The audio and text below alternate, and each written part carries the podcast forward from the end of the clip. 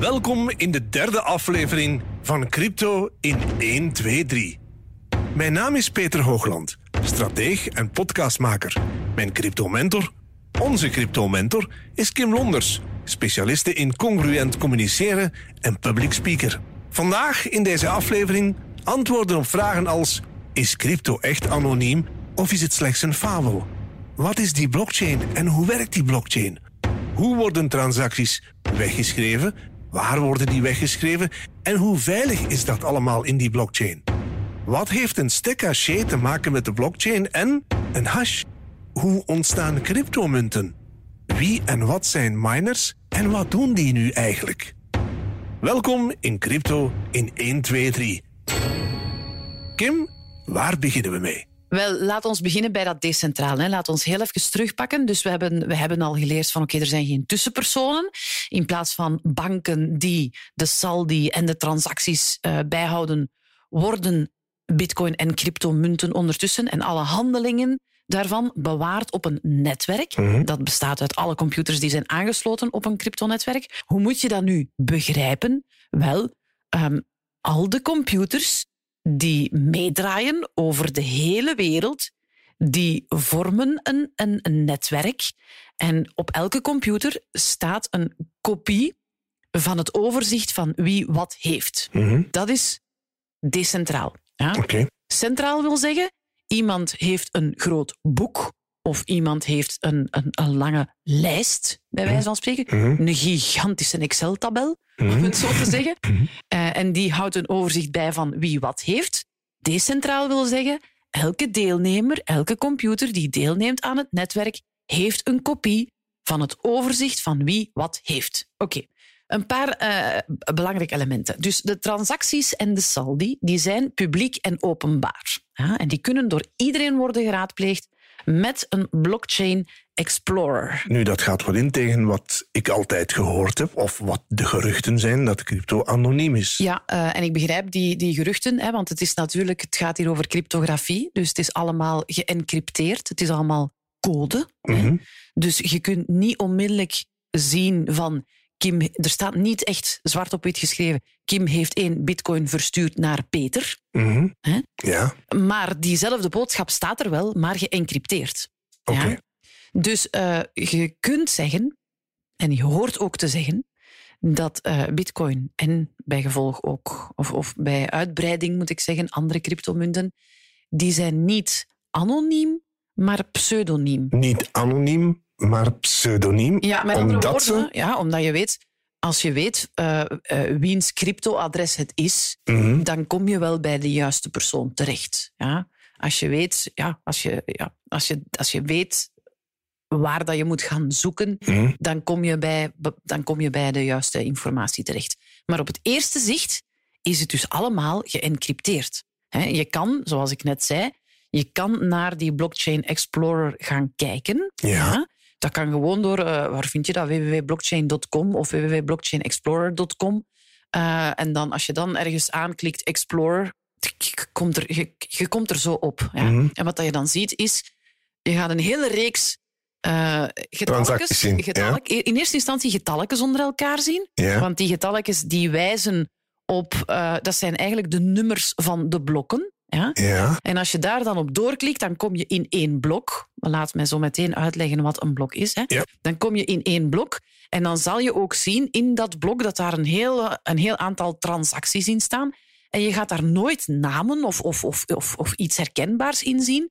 Je gaat allemaal code zien, maar die code die is wel terug te brengen op bepaalde fysieke instanties, ik zal het zo zeggen, personen of organisaties of uh, okay. enzovoort. Dat is dus het verschil tussen het anonieme en het pseudonieme. Als jij, uh, als, als jij en ik uh, gewoon bitcoins willen kopen, dan doen wij dat op een platform de dag ja. van vandaag. Ja. En als jij wil meedraaien op zo'n platform, als je, daar, als je daar wil kopen, dan moet je daar je gegevens achterlaten. Hè? Ja, want je moet zelfs een foto van je paspoort doorsturen en dat soort van toestanden. Ja, okay. Net zoals dat, wanneer je naar een bank gaat en een bankrekeningnummer wil, ja. wil openen, moet je ook identiteitsgegevens uh, achterlaten. Hè?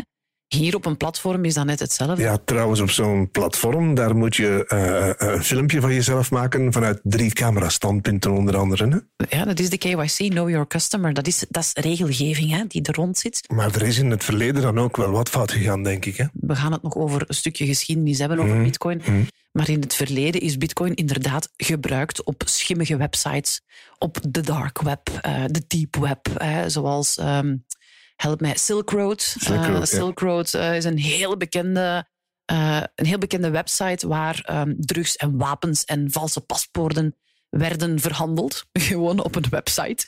En um, het zijn natuurlijk meestal wel slimmeriken die daarmee bezig zijn. Hè?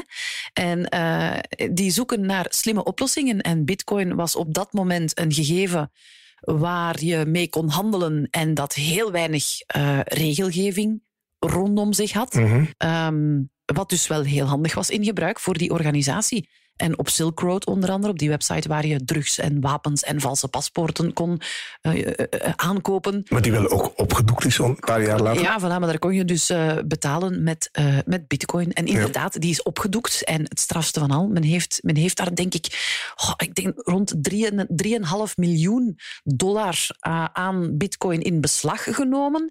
En men heeft toen ook een berekening gemaakt van hoeveel bitcoins er zouden over de laat mij dan toonbank gebruiken, over de toonbank zouden zijn gegaan. En uh, men kwam op een, op een, een getal van 9,9 miljoen bitcoins die daar zouden verhandeld zijn. Dus dat is gigantisch. Hè? En dat straalt dan weer vandaag nog altijd wat negatief af op die cryptomarkt eigenlijk. Ja, bitcoin heeft daar natuurlijk uh, een stukje de stempel uh, van crimineel iets gekregen. Hoewel dat, dat vandaag met de regelgeving die er dan door de jaren gekomen is, hè, bijvoorbeeld die KYC, mm. Know Your Customer, hè, ken je klant in het Nederlands, uh, maar ook anti-witwaswetgeving is, daar, is erop gekomen met al die wetgeving is dat nu gewoon niet meer mhm. mogelijk. Hè. Er zijn ook um, sites die uh, daar onderzoek naar doen. Heb je zo'n voorbeeldsite? Uh, oh, ik, ik, vergeet altijd de, de, naam van de site. Chain, Chain, Chainalysis. Chainalysis is een site die onderzoek doet naar gegevens rond wat er on-chain, op, op de ketting, op de, de blockchain mhm. gebeurt. Mm En uh, die hebben onderzoek gedaan naar criminaliteit. En op dit moment zou 0,7 procent van al het geld dat er wordt verhandeld um, op blockchains, ik moet dan zeggen alle waarden, zou nog een link hebben met crimineel geld of criminaliteit. Mhm. Terwijl als je dat dan in, in, in het juiste perspectief plaatst, in Amerika gaat er elk jaar voor 300 miljard geld rond in uh, drugscriminaliteit. Uh, en elk jaar rolt men daar ongeveer anderhalf miljard van op, als ik het zo mag zeggen.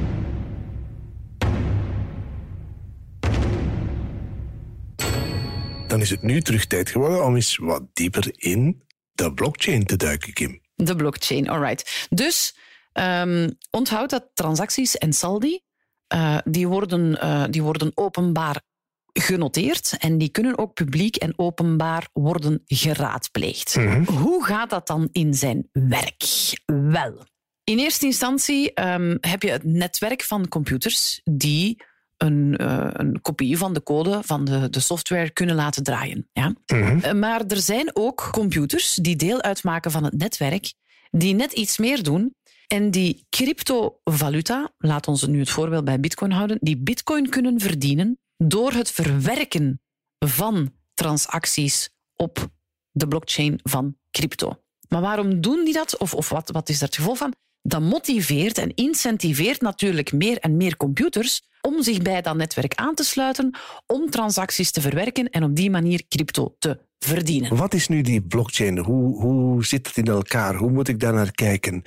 Um, help mij. Ik ga het even heel beeldend uitleggen, zodanig dat je goed begrijpt wat dat een blockchain is mm -hmm. en mhm. waarvoor, waar, waarvoor een blockchain dient. Een blockchain dient dus om al de transacties en de saldi vast te leggen. Zodanig dat men ten allen tijden van kan controleren. Ah, Kim heeft inderdaad één bitcoin naar Peter gestuurd. En dan, als Peter die een bitcoin in zijn bezit had, heeft hij daarvan een halve bitcoin naar George van zijn bank of van zijn frituur eh, ge- gestuurd. Hè? Dus al die transacties worden vastgelegd om te kunnen controleren, klopt het? Is die bitcoin van Kim naar Peter gegaan? Heeft Peter dan die bitcoin? En mag Peter dan de helft van die bitcoin versturen? Want als jij geen bitcoin in je bezit zou hebben en je wilt een halve bitcoin versturen, dan klopt er al iets niet. Ja? Dus dat moet vastgelegd worden. Dat wordt geregistreerd. Ja, en centraal zijn wij gewend dat er dan inderdaad een derde instantie is die zegt wij zullen het allemaal opschrijven, wij zullen het allemaal controleren en als er iemand aan twijfelt, dan mag die naar ons komen en dan zullen wij in ons boek gaan kijken en zeggen het klopt. Dat is het probleem dat de blockchain oplost. Ja? Dus die derde, die, die, die, of het probleem mag ik niet zeggen, maar dat is het ding wat de, de blockchain oplost. De, de blockchain haalt die derde persoon, die vertrouwenspersoon, ertussenuit. Hoe doen we dat dan? Ga even mee. Beeldend voorbeeld. Blockchain wordt opgebouwd in of door verschillende blokken. Een keten van blokken, als je het vertaalt. Hè. Wat gebeurt er in zo één blok? In zo één blok worden al de transacties en de saldi vastgelegd. Hoe moet je dat nu inbeelden? Nu gaan we beeldend. Je kent ongetwijfeld een huishoudboekje of een kasboek. Een huishoudboekje is een boekje waar hè, de inkomsten en de uitgaven van de week of de maand worden in genoteerd. Onderaan wordt er een lijn ge- ge- getrokken, de som wordt gemaakt en dat bedrag wordt weer meegenomen naar de volgende bladzijde.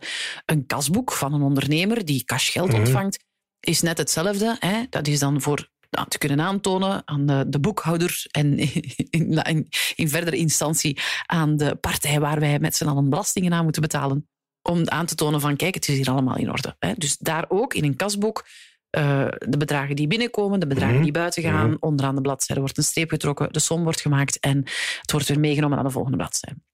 Beeld u nu in dat gedurende, en de tijd, tijdsframe is belangrijk, dat gedurende 10 minuten transacties in bitcoin worden genoteerd op zo één bladzijde van, laat ons als voorbeeld het kasboek nemen, op Ja. één bladzijde van een kasboek. Ja. Dus gedurende 10 minuten worden al de transacties die wereldwijd gebeuren, die worden genoteerd op één bladzijde van een kasboek. Kim, naar Peter, Peter naar George enzovoort. Hè. Na 10 minuten wordt dat blad, dat ene blad, uit het kasboek gescheurd, wordt dat opgeplooid en wordt dat in een blok gestoken. Om het beeldend te maken. Een hè. doos. Een doos, ja, een blok. Nu moet dat nu natuurlijk nog ge- gecontroleerd, hoeft niet meer, want dat is gebeurd op het moment dat die transacties in het boek werden geschreven. Nu moet dat worden gevalideerd en, en, en, en worden vastgezet, zodanig dat er niet meer mee kan gefraudeerd worden. Wat versta je onder één gevalideerd en dan vastgezet? Ehm, ehm, het moet gewoon bevestigd worden. Ja? dat, Dat wat is- geschreven is, oké is. Ja, en dat daar niks meer aan kan veranderd worden. Ja? Mhm, Dat moet vastgezet worden, beveiligd worden. Dat er niet iemand, bij wijze van spreken nog, eh, met een gom of een tipex naar dat blad terug kan gaan en nulletjes kan weggommen of wegtipexen of uitvegen eh, en er nulletjes bijschrijven, zodanig dat het vast ligt, niet meer gewijzigd kan worden en er dus niet mee gefraudeerd of gefoefeld kan worden. Dat is wat ik bedoel met valideren en vastleggen. Hoe doen we dat? Hoe gebeurt dat bij, op de blockchain? Al de computers, die, of servers moet ik zeggen, die meedraaien in het netwerk en die cryptos willen verdienen, die gaan gedurende 10 minuten die computers heel hard laten draaien om één unieke, specifieke code te vinden. Dus al die computers uit dat netwerk die crypto willen verdienen, Dat zijn dan wat ze noemen de miners. dat zijn inderdaad de miners, die gaan gedurende 10 minuten hun servers, enfin, de miners zijn de servers, maar die, die servers die gaan gedurende 10 minuten gigantisch hard draaien, heel veel werk leveren, om één unieke, specifieke code, één uniek specifiek getal te vinden.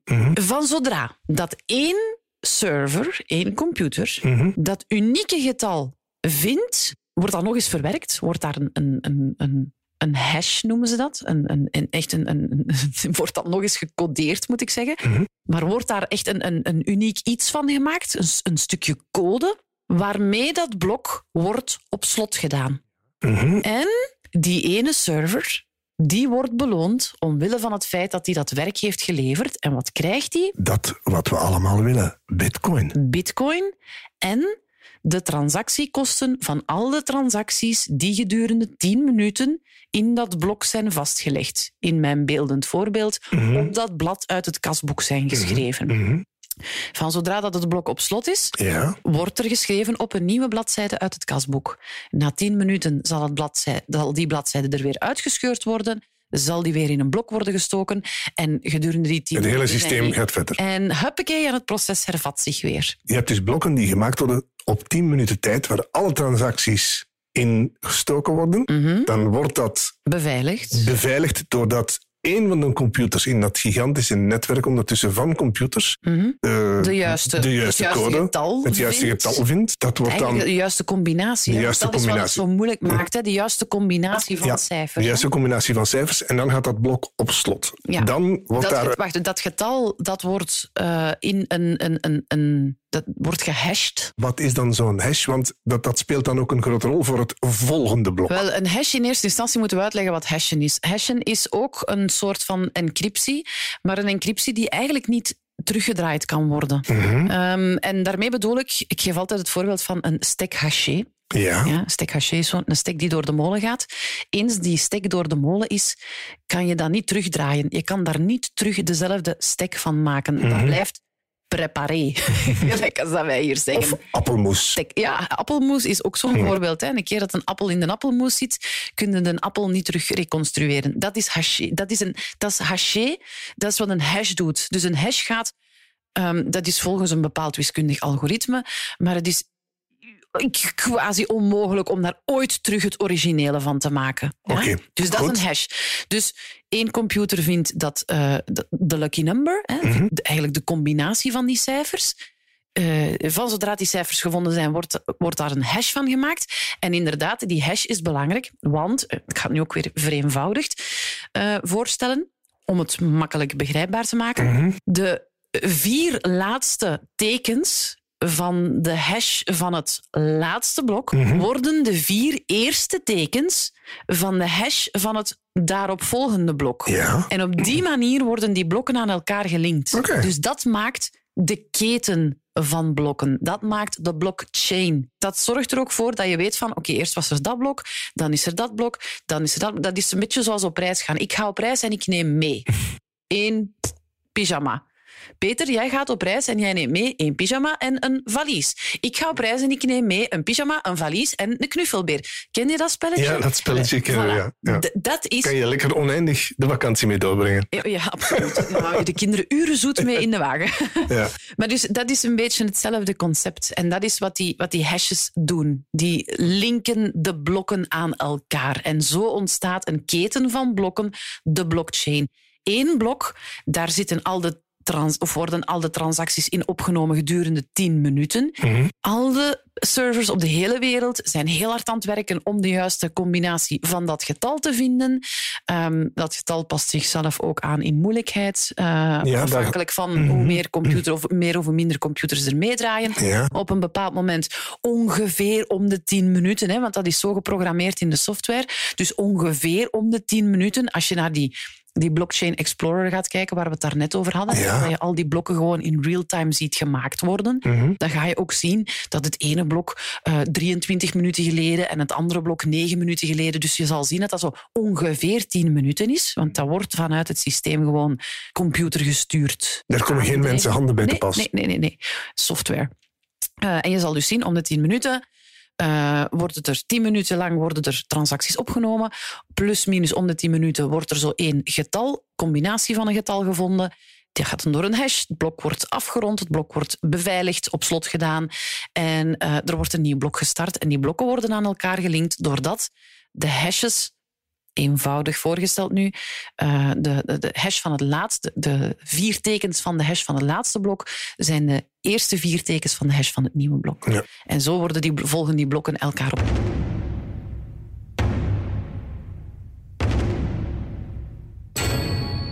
Als ik het goed heb, dan worden die miners, die bedrijven die die, die codes zoeken, die die blokken op slot doen, die worden daar ook wel voor beloond. Op dit moment krijgt een miner om de 10 minuten dus, ergens ter wereld, 6,250 uh, bitcoin om... Het nummer te vinden. De, de combinatie, de, ja, de om, combinatie. om het werk dat, dat, die, dat die server geleverd heeft. Ja. Miners zijn grote hallen met computers. Dat zijn eigenlijk bedrijven die op zoek gaan naar de getalletjes om een blok op slot te doen. Miners zijn de servers die inderdaad op zoek gaan, die draaien. En inderdaad, je, je refereert nu naar die bedrijven.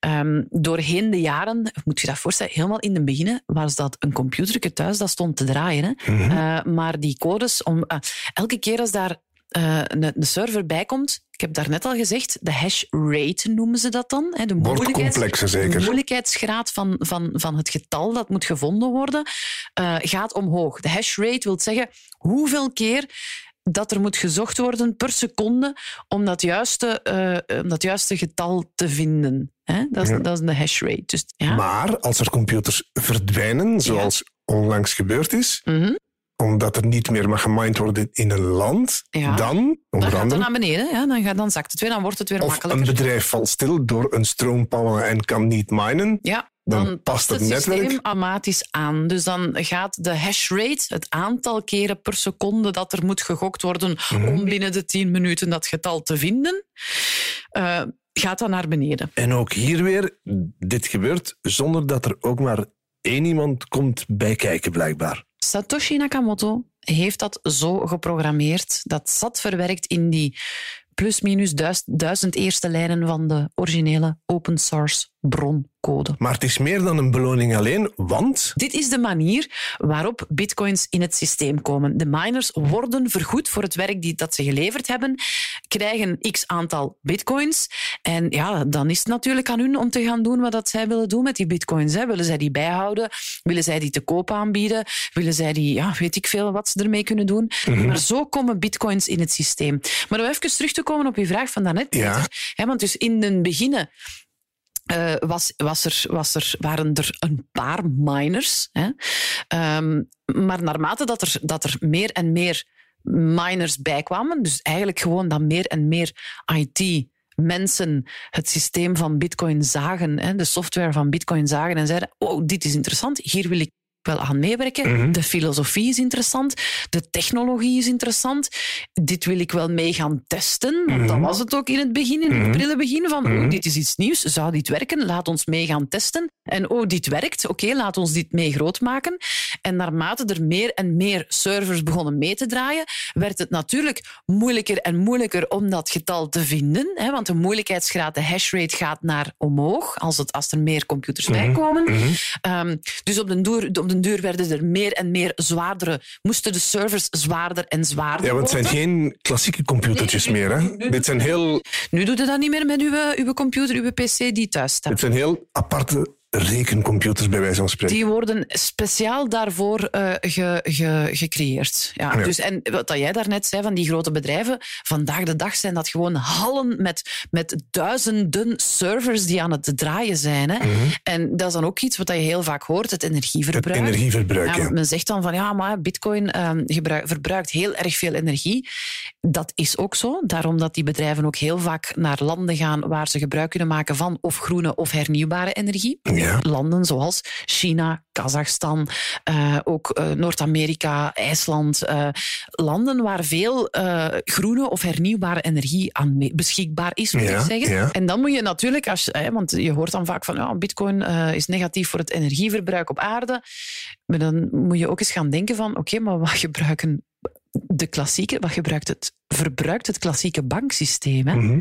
Um, en natuurlijk, ja, bitcoin is heel gemakkelijk, is heel gemakkelijk te traceren, want daar is het alleen maar gaan kijken hoeveel energie wordt er gebruikt door die mining companies, want nu zijn Ja. dat echt grote bedrijven. Ja. Ja, voor de klassieke sector is dat natuurlijk veel moeilijker vast te leggen, hè, want dan gaat het niet alleen over de banken, maar ook de kantoren en de hoofdkantoren en de wagens die rondrijden en... en, en, en, en Maar in essentie heeft een miner er alle baat bij dat hij weinig kosten heeft, hè, want dan houdt hij Natuurlijk. meer over. Ik Ah, bedoel, natuurlijk. Als hij natuurlijke energie kan verbruiken, zonnepanelen, Ja. dan heeft hij alleen zijn investering water. Ja, tuurlijk. En daar zijn die bedrijven ook echt naar op zoek. Hè. Ik bedoel, inderdaad, je zei daar net van, als een land dan uh, de miners bandt, Mhm. omwille van veel energieverbruik, en dat hebben we gezien vorig jaar, in 2021 heeft China uh, gezegd, hier wordt niet meer gemij gemijnd. Mhm. Om het in het Nederlands te gemijnd. gemijnd. Uh, en dan heb je gezien dat er inderdaad al die bedrijven zijn dan plots uit China moeten vertrekken. En waarom China? Omdat er daar heel veel hernieuwbare en, en groene energie was. Dus wat zie je dan? Je ziet dat heel veel bedrijven tijdelijk sluiten, dat die verhuizen. Je ziet ook op dat moment dat de hashrate naar beneden gaat. Met andere woorden, de veiligheid van het netwerk. Want het energieverbruik verbruik van de blockchain staat in rechtstreeks verband met de veiligheid van het, uh, van het netwerk. Vertel. Ja, hoe, hoger de, hoe hoger de hashrate, hoe veiliger het netwerk is. Ja, en hoe hoger die hashrate, hoe meer er gezocht en... Hoe meer computers er meedraaien, hoe moeilijker het algoritme, hoe hoger de hashrate, hoe moeilijker het getal dat moet, de combinatie van het getal dat moet Mhm. gezocht worden. Dus hoe veiliger de blockchain is. Dus hoe veiliger de transacties die op de blockchain genoteerd staan. Is de blockchain ooit gehackt tussen 2008 Nee. en vandaag? Nee. Wat is er dan wel gehackt? Uh, um, exchanges, dus wisselplatformen, uh, beurzen, uh, brokers, um, uh, wallets, portefeuilles. Uh, dat kan allemaal gehackt worden. Uh, maar de blockchain, zoals we hem nu kennen, De blockchain zelf is nog nooit gehackt. Beeld u eens in, Peter, dat jij um, ergens in een. Stel, um, je wil ergens een transactie gaan frauderen. Je wil gaan frauderen in een blok. En laat ons zeggen, dat blok is nog maar uh, 50 minuten oud. Dus je weet, 10 minuten per blok. Er zijn vijf blokken boven dat ene blok gebouwd, waarin dat jij ergens een nulletje wil gaan aanpassen of ergens iets wil gaan, gaan misfoefelen. zal ik het, zal ik het, uh, het, het, verwoorden? Foefelen voor onze Nederlandse vrienden is bij wijze van spreken in dit geval frauderen. Ja, is iets, iets, iets, mis, iets misprutsen. Ja. Hè? Um, dus stel, jij wil iets gaan misprutsen in een blok dat 50 minuten oud is. Dus er zitten al vijf, vier, vijf blokken boven. Ja. Dan moet jij al dat harde werk, dat al die computers ter wereld Ja. gedurende 10 minuten hebben geleverd, dat maal 5. In, Mhm. op tien, in, in gedurende 10 minuten, hè? meer tijd heb je dan niet. Hè? Mhm. En dan moet je ook nog een keer in dat blok de juiste acties gaan, gaan, gaan, uh, gaan, gaan doen in die 10 minuten. Met andere woorden, we hebben een quantumcomputer nodig. En dat zijn supersnelle computers, dacht ik. Quantumtechnologie zou de algoritmes, wiskundige algoritmes waar vandaag de dag mee wordt gewerkt, kunnen kraken. Maar dat is dan ook weer het ding. Hè. Tegen de tijd dat die quantumcomputer er is, gaan ook die algoritmes alweer uh, aangepast zijn aan die mogelijke kwantumwetenschap. Uh, Tot zover aflevering 3 van Crypto in 1, 2, 3. In onze volgende aflevering zoeken we antwoorden op vragen als: hoeveel bitcoins kunnen er bestaan? Is dat oneindig of beperkt?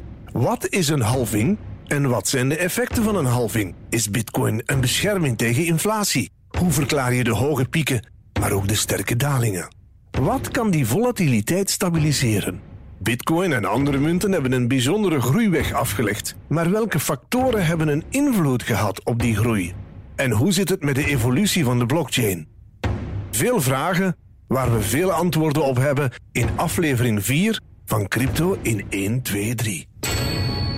Deze podcastreeks Crypto in 1, 2, 3 is een productie van HLN, Buitenbenen, Peter Hoogland en Kim Londers.